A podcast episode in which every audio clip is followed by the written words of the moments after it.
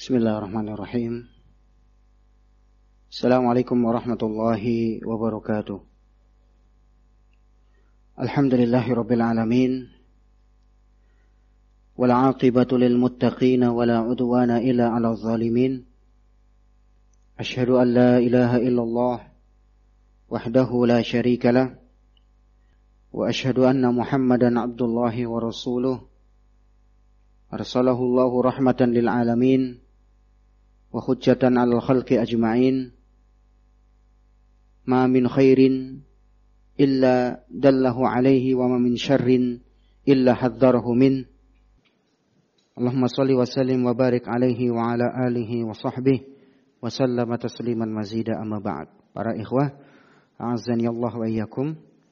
Pada kesempatan malam ini kita lanjutkan kembali pembahasan tafsir tematik Kali ini tafsir yang akan kita bahas yaitu tafsir Al-Maidah ayat 27 sampai ayat 31 dan kita bahas sebagian saja insyaallah e, sisa pembahasan tafsirnya kita lanjut di pertemuan berikutnya. Dan e, tafsir Al-Maidah ini ayat 27 sampai 31 membahas tentang kisah dua anak Adam yang disebut dengan Qabil dan Habil. Ya. Taib. Kita dengarkan pembacaan ayatnya. Tafadhol, Ustaz. أعوذ بالله من الشيطان الرجيم واتل عليهم نبأ بني آدم بالحق إذ قربا قربانا فتقبل من أحدهما ولم يتقبل من الآخر. قال لأقتلنك. قال إنما يتقبل الله من المتقين. نعم يكفي. Sampai di سجا saja. Karena كتاب kita baru bisa membahas آيات ayat طيب Giliran antum Syekh terjemahannya. Fadol. Bismillahirrahmanirrahim. Ceritakanlah kepada mereka kisah kedua putra Adam, Habil dan Gabil menurut mereka menurut yang sebenarnya mereka eh, ketika keduanya mempersembahkan korban maka diterima dari salah seorang dari mereka berdua Habil dan tidak diterima dari yang lain Gobil ia berkata Gobil, aku pasti akan membunuhmu. Berkata Habil, sesungguhnya Allah hanya menerima korban dari orang-orang yang bertakwa. Nah, Barakallahu fikum. Tafsir ayat ke-27 dari surah Al-Maidah. Firman Allah Ta'ala, "Watlu alaihim naba abnai Adama bil haq." Bacakanlah kepada mereka kisah kedua putra Adam, Habil dan Qabil, menurut yang sebenarnya, sesuai dengan fakta yang ada. Jangan sekalian, Nabi kita Shallallahu Alaihi Wasallam mendapatkan perintah dari Allah untuk membacakan, utlu, bacakan. Dan ini menunjukkan bahwa kisah yang akan dituturkan adalah kisah yang sangat penting. Sampai-sampai Rasul kita Shallallahu Alaihi Wasallam diperintahkan oleh Allah untuk membacakannya langsung. Dan Nabi tidak memerintahkan orang lain untuk mewakili, tidak. Langsung Nabi yang membacakannya. Kepada siapa? Allah katakan alaihim kepada mereka. Mereka di sini siapa? Mayoritas ahli tafsir mengatakan bahwa mereka adalah orang-orang Yahudi. Karena ayat ini terkait dengan Yahudi. Konteks ayatnya sedang memberikan nasihat kepada orang-orang Yahudi. Ada apa dengan Yahudi ini?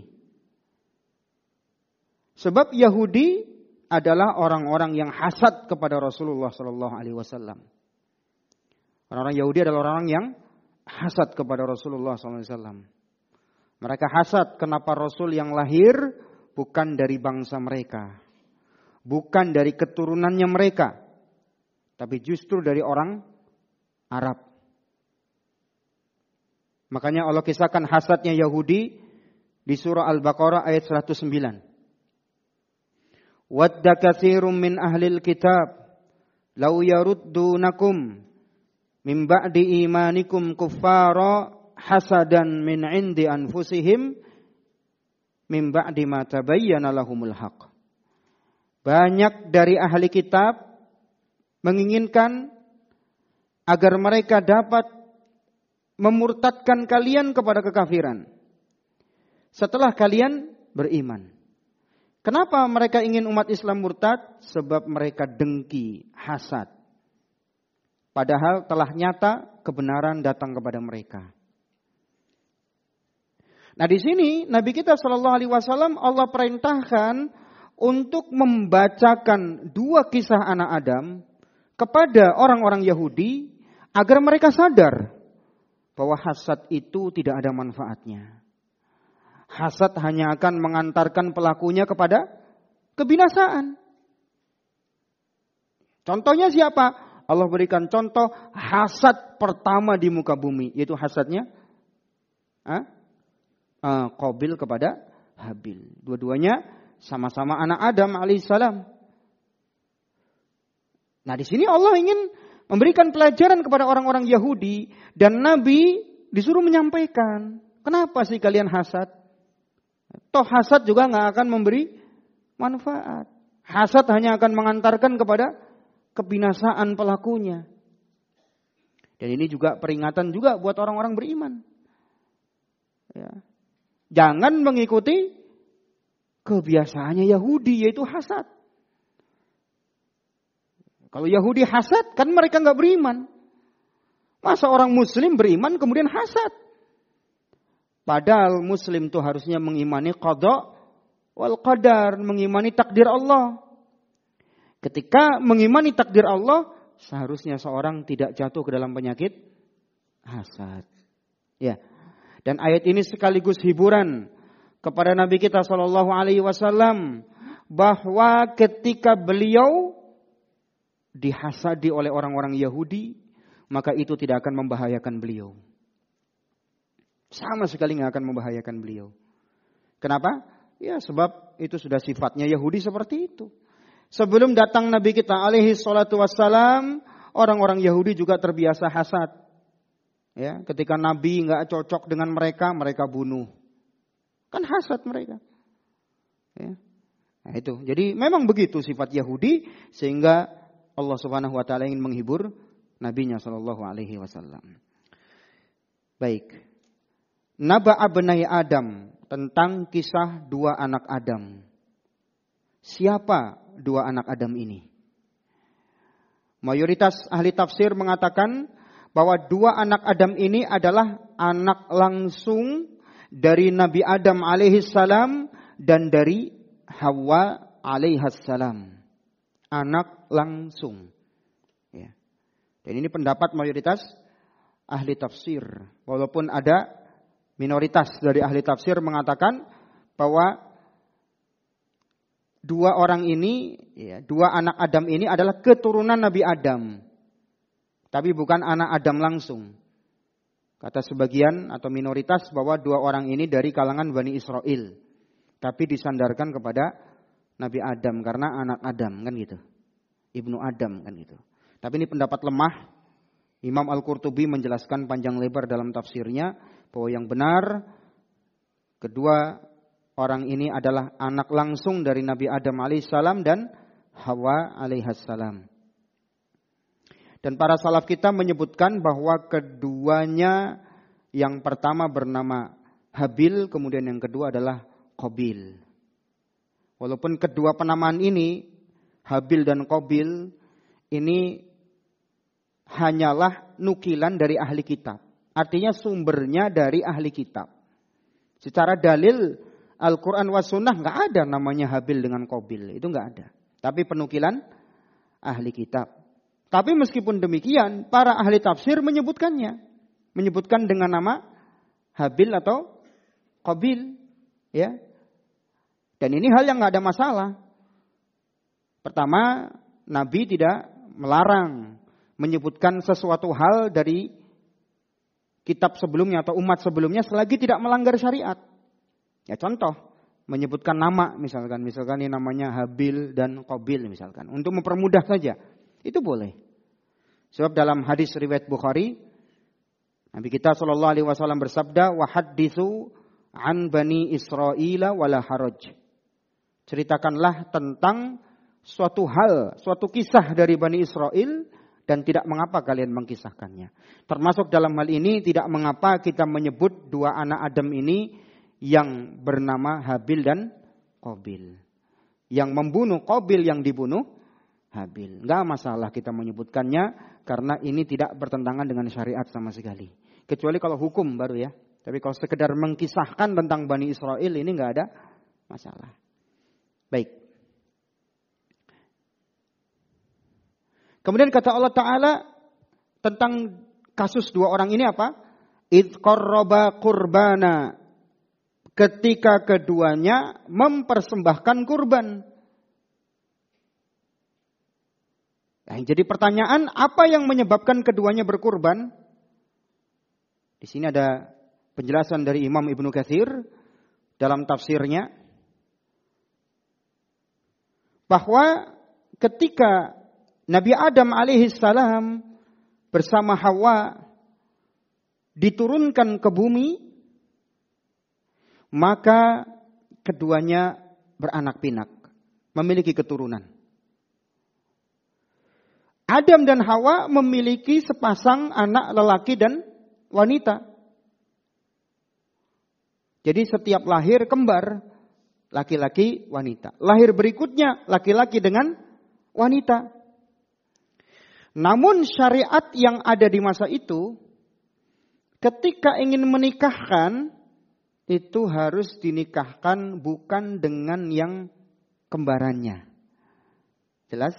Tapi dengan yang saudaranya satunya lagi yang tidak lahir langsung bersamaan.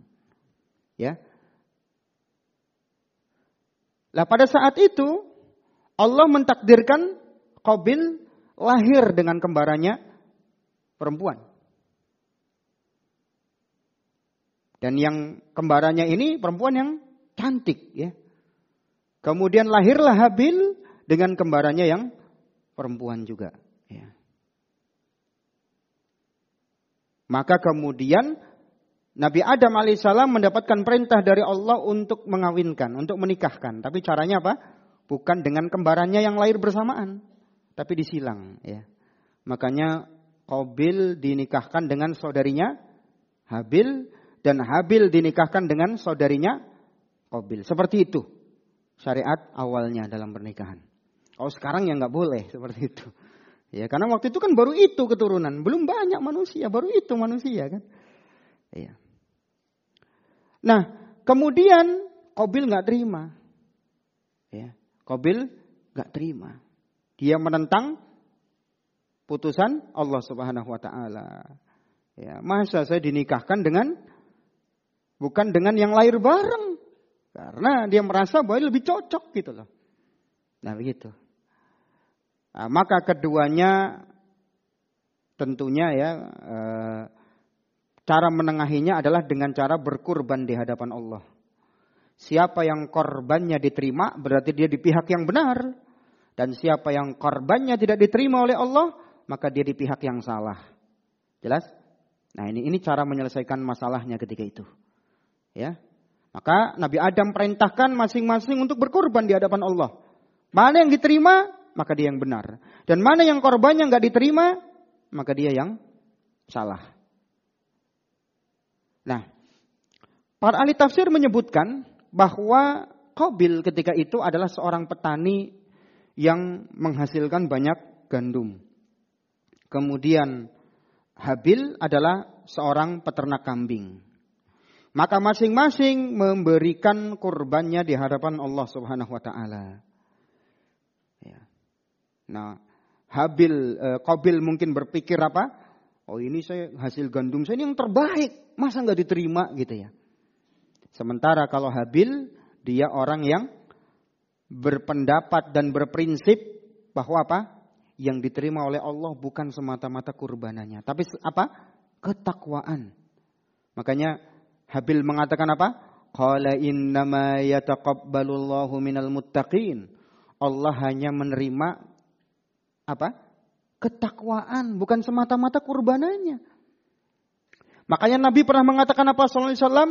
Sabaqa dirhamun alfa e, mi'ata alf dirham atau sabaqa dirhamun alfa dirham ya. Satu dirham bisa mengalahkan sedekah seribu dirham. Bukan karena nilainya. Bukan semata-mata kuantitas. Tapi apa? Nilai ketakwaan.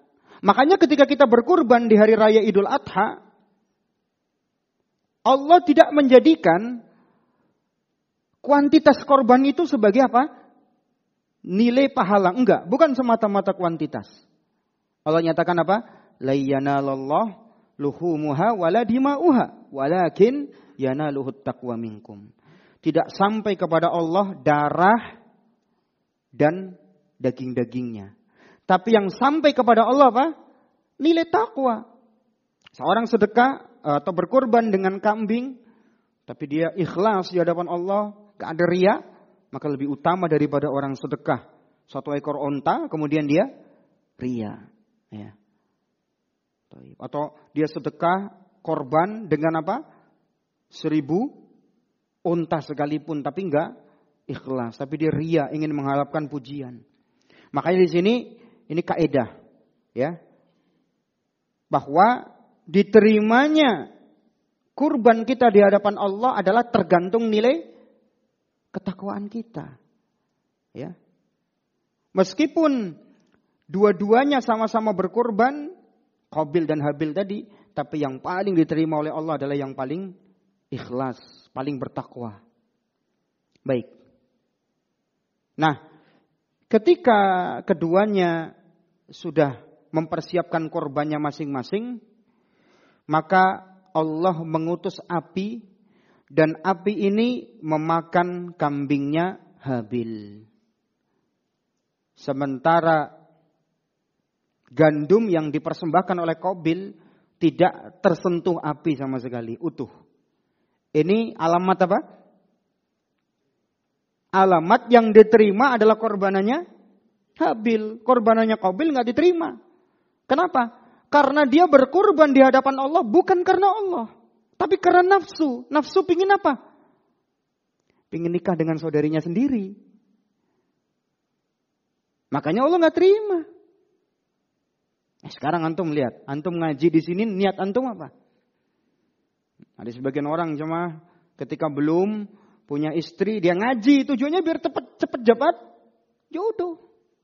Ya setelah nikah nggak udah nggak kelihatan lagi di pengajian. Kenapa? Udah nikah. Berarti niatnya salah selama ini tolabul ilmi. Dia ngaji biar ketemu komunitas, setelah dapat akhwat, ya, dapat istri, ya. Setelah itu juga nggak pernah ngaji lagi, jarang ngaji lagi, ya. Ngaji karena ada hubungan bisnis bareng jadi ngaji gitu ya. Begitu sudah nggak ada hubungan bisnis nggak pernah ngaji lagi. Ya, ini niatnya salah sudah. Makanya Allah nggak akan terima korbanan orang yang niatnya nggak benar. Habil tadi korbanan dia niatnya lillah. Ya, dia ingin buktikan bahwa apa? Dia melakukan itu karena Allah, maka Allah terima korbanannya. Tapi kalau Qabil enggak, dia berkorban cuma ingin dapat perempuan. Sehingga Allah tolak kurbannya. Walaupun dia mempersembahkan hasil pertaniannya yang paling bagus. Itu gitu ya. Kan sebelum kita berkurban, sebelum kita berinfak, sebelum kita berdonasi, pikirkan kita lillah enggak? Gitu. Ya, kita lillah apa enggak? Nah, maka dari itu ketika Allah terima kurbanannya Habil, maka Qabil pun hasad. Nah, di sini munculnya hasad di sini nih. Hasad muncul. Harusnya kan ketika Allah terima kurbanannya Habil, seharusnya kan Qabil apa? Muhasabah. Oh, saya nggak diterima, berarti saya nggak lillah. Berarti selama ini saya nggak benar niatnya, nggak ikhlas. Harusnya kan muhasabah. Bukannya muhasabah, malah apa? Hasad. Kok malah korbanan saya nggak diterima ini? Ngapain saya susah-susah korbanan hasil pertanian terbaik tapi enggak diterima gitu ya. Nah di situ mulai muncul hasad. Jadi bukannya ngambil ibroh, ngambil pelajaran malah Kobil menjadi orang yang hasad. Ada orang begitu jemaah. Udah tahu salah tapi apa? Hah? Hasad lagi gitu ya. Tambah hasad gitu loh. Iya, ini seperti ini nih. Maka dari hasad ini kemudian Kobil mengancam Habil dan mengatakan apa? Qala la Kalau gitu saya bunuh aja kamu. Kesel gitu kan ya. Ini gara-gara apa? Hasad. Makanya para ulama mengingatkan bahwa hasadnya Kobil menyebabkan dia membunuh saudaranya sendiri. Dia udah buta. Ya udah. Ini adiknya mau apanya mau saudaranya nggak peduli. Karena udah hasad bunuh. Banyak orang kan sekarang begitu. Hasad gara-gara warisan. Ya. Bahkan hasad bisa terjadi di antara para ulama sekalipun. Imam Bukhari pernah dihasadi oleh gurunya sendiri. Dan itu biasa terjadi karena hasad ini apa? Penyakit yang memang bisa datang kapan pun gitu loh. Baik. Makanya para salaf kita mengatakan al-hasadu awwalu dzanbin usiyallahu bihi fis sama.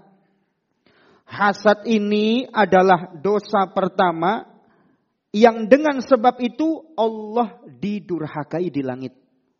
Hasadnya siapa jemaah? Iblis kepada Adam. Iblis merasa dia udah lama berjasa gitu loh. Iblis sudah merasa dia lama beribadah kepada Allah. Dia udah sepuh dan senior. Kok tiba-tiba disuruh sujud kepada Adam? Adam kan baru kemarin diciptakan. Wah ini gak adil ini Allah ini. Nah itu gitu iblis. Akhirnya apa? Gak mau. Ngeles iblis. Ya. Hasad. Kemudian kata para salaf kita. Yakni hasada iblis Adam. Yaitu hasadnya iblis kepada Adam. Wa awwalu dhanbin bihi fil ard. Dan hasad adalah kedurhakan pertama yang terjadi di muka bumi. Yakni hasada bni Adam akhah hatta qatalah yaitu hasadnya anak Adam kepada saudaranya, yaitu hasadnya Qabil kepada Habil sehingga dia tega membunuh saudaranya. Makanya jamaah sekalian, ini kalau kita berbicara hasad, maka hasad adalah akhlaknya iblis. Hasad adalah akhlaknya Qabil. Hasad adalah akhlaknya siapa? Yahudi lah. Kita berbicara kan Yahudi sekarang. Nabi sedang menasihati orang-orang Yahudi. Jadi kalau senang hasad, ya itu tadi, itu hasadnya mereka itu, penyakitnya mereka. Ya. Maka ikhwas sekalian, rahimani wa rahimakumullah, ya. Hasad ini memang uh, asalnya adalah tabiat yang bercokol dalam diri manusia. Jadi setiap kita ini punya peluang hasad selalu ada. Terutama yang memiliki satu profesi. Iya. Makanya Ibnu Taimiyah mengingatkan annal hasada maradun min amrodin nafs. Hasad adalah penyakit jiwa. Jadi bukan penyakit jasmani. Kalau seandainya orang hasad, berasa sakitnya di pinggang, berasa sakitnya di pundak, itu mending masih berasa. Kalau hasad enggak, dia penyakit apa? Jiwa gitu loh. Jadi jiwanya nggak beres kalau orang hasad tuh. Penyakit ini wa mar wa huwa maradun ghalibun fala yakhlusu minhu illa qalil minan nas. Dan penyakit ini adalah penyakit yang menguasai dan tidak ada yang selamat kecuali segelintir orang. Walihada yuqal oleh karena itu ada ahli bijak yang mengatakan ma jasadun min hasad lakin lakinal laim yubdihi wal karima yukhfihi akan tapi orang yang mulia dia akan menyembunyikan hasadnya dan orang yang tercela dia akan menampakkan. Jadi bedanya kalau orang mulia meskipun dia hasad dia sembunyikan, dia nggak tampakkan. Ya, ya gimana? Orang kan manusiawi lah kalau ngelihat ada yang lebih pinter daripada dia, ada yang lebih sukses, ada yang lebih kaya. Ya manusiawi pasti kita ada rasa-rasa hasad lah. Tapi kalau orang mulia dia nggak akan tampakkan hasad itu, dia sembunyikan. Nah ini yang benar. Jadi ketika cuma muncul di hati dan dia tahan, tidak diucapkan dengan perbuatan dan eh, tidak diucapkan dengan lisan dan diperbuat dengan perbuatan, maka hasad itu dimaafkan. Ya. Tapi kalau sudah diomongin dan ada tindakan sebagai apa? Bentuk untuk membenarkan hasadnya, nah itu baru dosa. Tapi kalau masih disembunyikan enggak. Jelas di sini ya. Baik. Makanya Imam Ibn Rajab juga e, senada beliau menegaskan bahwa hasad ini sesuatu yang sulit memang. Beliau mengatakan wal hasadu markuzun fi tiba'il bashar. Hasad itu sesuatu yang memang sudah tertanam dalam jiwa manusia. Jadi setiap kita punya peluang buat hasad. Wa huwa anal insana yakrahu an yafuqahu ahadun. Sebab tabiat manusia itu tidak suka diungguli oleh orang lain. Nggak suka. Nggak suka dikalahkan gitu loh. Maunya apa? Setiap kita tuh maunya kalau ada perhelatan, perlombaan. Kita maunya kita yang menang. Padahal pemenang cuma berapa aja? Satu. Tapi semua pingin menang kan gitu. Ya itulah. Karena setiap kita itu apa? Pingin mengalahkan dan mengungguli orang lain. Iya. Wahwa annal insana yakrahu an yafuqahu ahadun min jinsi fi syai'in minal fadail. Sebab orang itu tidak mau diungguli oleh manusia yang sesamanya, yang satu profesi dalam sebuah keutamaan.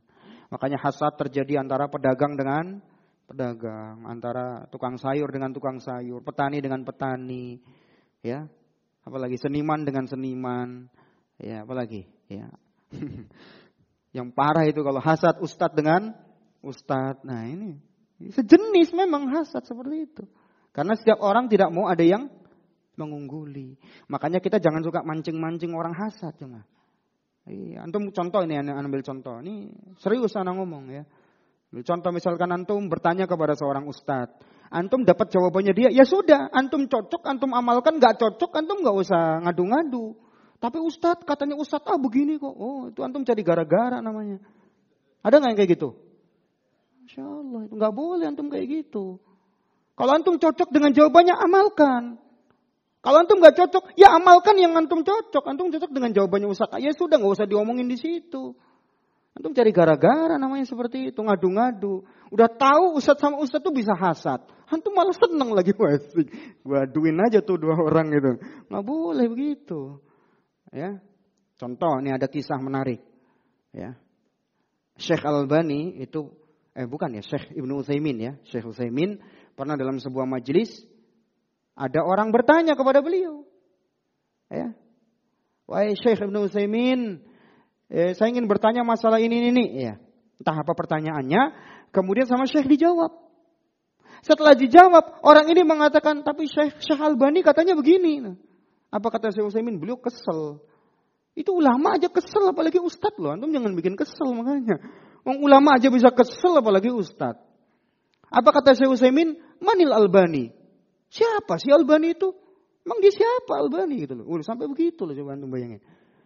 Ini keliru yang nanya. Mestinya jangan bilang Syekh Albani. Mungkin bilang apa? Tapi Syekhul Islam Ibnu Taimiyah begini. Nah mungkin. Karena Ibnu Taimiyah kan jelas. Ilmunya di atasnya lagi kan. Iya. Mungkin Syekh Utsaimin gak bakal marah. Lu Syekh Albani dengan Syekh Utsaimin kan satu level. Iya enggak? Maka ya seperti itu para ulama seperti itu ya. Jadi kalau antum mau bandingkan, kalau mau protes sama ustadznya, bilang ustadz, kalau pendapatnya Syekhul Islam Ibnu Taimiyah, insya Allah ustadznya nggak marah. Masa ustadznya tahu diri lah dibandingin dengan Imam Syafi'i kan nggak selevel kan. Ya dibandingin dengan Imam Malik, ah itu baru ustadznya mungkin senyum. Oh gitu ya pendapatnya Imam Syafi'i, iya ustadz di kitab ini, nah mungkin. Ini dibandingin dengan sesama ustadz gitu ya. Nah, ini, ini makanya ini akhlak yang harus kita jaga ya. Karena antum jangan berpikir bahwa ustadz itu juga maksum enggak. Ya, bisa hasad kepada yang lain sehingga kita jaga. Setiap orang kita jaga jangan sampai apa? Ada permusuhan di antara mereka. Termasuk para uh, madu'u ya, menjaga perasaan ustadznya gitu ya. Sebagaimana kita menjaga perasaan orang lain sesama pedagang juga kita jaga perasaannya. Kita bilang, oh, tapi di sana lebih murah kok. Gitu kan. Ini kan juga gimana gitu loh ya. Kalau tinggal beli di mana gitu aja. Kalau cocok di sini beli di sini. Kalau enggak ya udah nggak usah banding-bandingin harga. Bikin orang kesel kan begitu kan. Jadi kadang-kadang ada orang seperti itu cuma. Ya, kita pahami bahwa hasad itu setiap orang punya peluang. Ya, tapi orang yang mulia dia akan tampakkan, tapi kalau orang yang tercela dia akan sembunyikan. Itu hasadnya tadi. Baik. Nah ini jemaah sekalian. Tapi meskipun demikian, walaupun hasad itu sudah tertanam dalam setiap diri orang, ya tapi kita harus melawan. Kita harus punya uh, usaha lah untuk melawan hasad itu. Ya. Maka orang yang bisa memerangi hasad dalam jiwanya, maka akan semakin mudah dia masuk surga. Ya. Sebagaimana dalam riwayat dibawakan oleh Anas bin Malik radhiyallahu anhu dalam Musnad Ahmad ya, sanatnya sahih. Anas bercerita tentang sahabat yang bernama Abdullah bin Amr bin Al-As. Ya, Abdullah bin Amr bin Al-As. Ini sahabat yang ahli ibadah luar biasa. Ya. Abdullah bin Amr suatu ketika beliau hadir di, di sebuah majelisnya Rasulullah Shallallahu Alaihi Wasallam.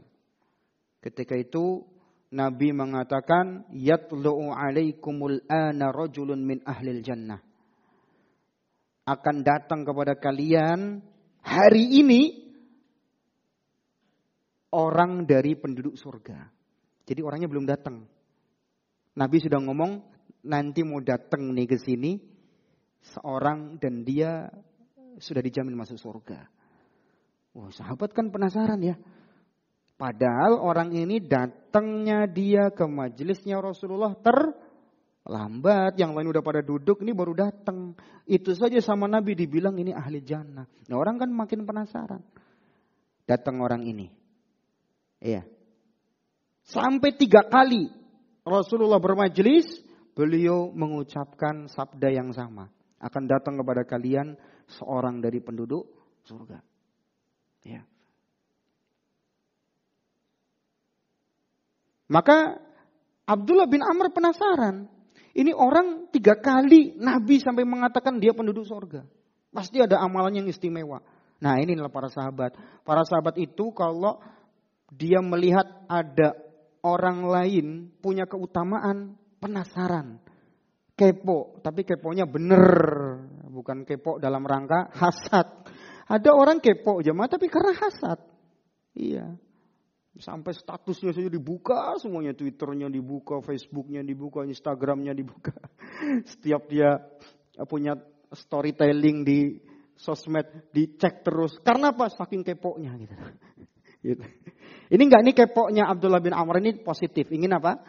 Hah? Ingin meniru amalan apa sih? Mungkin punya amalan khusus. Entah sedekahnya mungkin, atau mungkin sholat malamnya, atau baca Quran atau puasanya. Barangkali ya. Nah maka Abdullah bin Amr itu kan sahabat yang apa? Rajin ibadah.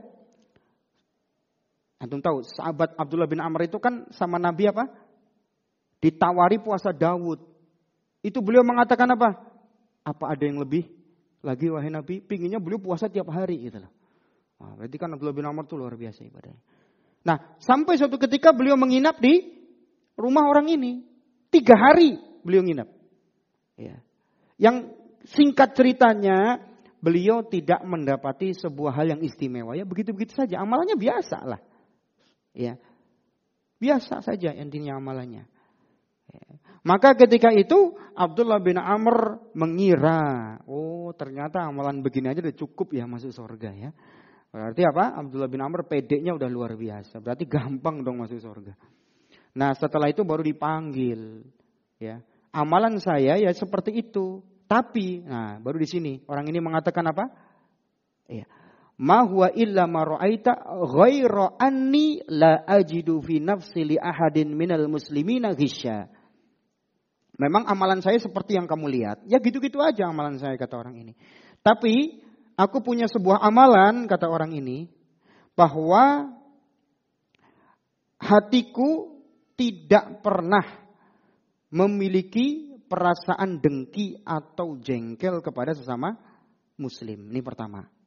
Jadi kalau aku melihat orang lain, aku berusaha untuk nggak gampang jengkel, nggak gampang dengki gitu ya. Ya itu. Intinya nggak gampang kesel lah. Itu. Orang nggak bisa, nggak gampang baperan. Nah mungkin gitu ya kali ya, salah satunya. Dikit-dikit baper, baper, baper. Ya. Lihat orang lain ya punya kesuksesan baper, ya. meriang lagi sampai gitu ya. Iya, masa lihat orang lain sukses kok meriang kita. Ini baperan kan orang ini, hisya. Jengkel ya, gampang jengkel, gampang baper. Ini pertama. Berat nggak? Ah, yang kedua kata beliau, wala ahsudu ahadan ala khairin lahu iya. Dan amalan kedua yang paling saya harapkan di hadapan Allah, aku tidak pernah hasad kepada seorang pun. Jadi kalau ada orang lebih daripada saya, ya udah itu takdir Allah, selesai. Kalau ada orang lebih kaya daripada saya, ya udah Allah titipkan harta itu ke dia kok bukan ke saya. Ngapain saya yang repot? Wong dia yang dititipi sama Allah. Ya. Ketika ada orang lain lebih apa? Ya memiliki kelebihan, yaitu pemberian Allah. Masing-masing kita dikasih sesuatu yang berbeda oleh Allah. Ngapain kita harus iri? Belum tentu juga kalau kita dikasih yang sama kita mampu untuk amanah kan gitu. Antum melihat orang lain dikasih harta 100 miliar, 100 triliun, ngapain hasad? Sekarang antum dikasih harta segitu mampu nggak amanah? Oh iya ya. Ntar kalau saya dikasih 100 miliar tambah nggak jelas lagi amalannya. Tambah makin malas sholat dan seterusnya. Maka sudah pasti Allah adil. Nah seperti itu prinsipnya. Pertama nggak baperan, nggak keselan. Yang kedua apa? Nggak gampang hasad. Nah itu. Kemudian apa kata Abdullah bin Amr? Hadihil ladhi bika Nah itu amalan kamu yang istimewa. Dan itu yang bagi kami berat untuk mengamalkannya.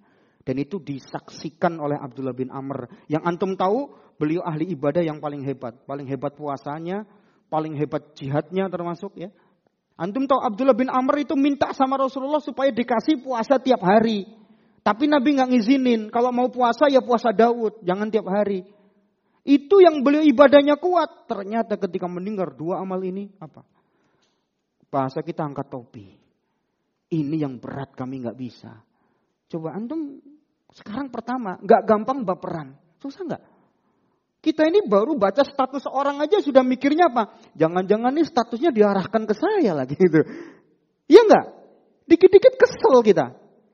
Ikut kajian, ustadznya ceramah, ini ustadz nyindir saya lagi. Oh, ya Allah, ustadznya ceramah ke mana, dia ke mana bapernya. Pertama, gak gampang baperannya susah kan? Susah. Apalagi nggak gampang hasad. Yang kedua. Makanya dua amalan ini yang menyebabkan orang ini masuk apa aja mah? Masuk jannah. Ya. Kemudian yang terakhir. Qala innama yataqabbalullahu minal muttaqin. Ketika Habil diancam oleh Qabil mau dibunuh. Apa jawaban Habil? Allah hanya menerima sedekah orang yang bertakwa. Diingatkan sama Habil, kamu itu nggak diterima sedekahnya karena kamu nggak bertakwa. Karena kamu bersedekah niatnya bukan lillah. Niatnya biar dapat perempuan. Biar kamu menikah dengan saudarimu sendiri. Berarti kan tujuannya nggak ikhlas. Iya. Ya Allah nggak akan terima. Itu aja jawabannya. Nggak malah apa? Oh mau bunuh saya. Ayo saya layani. Ayo bunuh-bunuhan. Nah, enggak. Kenapa? Kenapa Habil nggak membalas? Saya balas bunuh, saya juga bisa bunuh kamu. Kita juga sama-sama cowok. Ayo laki sama laki. Duel. Sparring? Enggak. Beliau hanya mengatakan qala inna ma yataqabbalullahu minal muttaqin. Kenapa? Karena beliau sadar ya, enggak sepantasnya orang sama-sama beriman itu saling apa?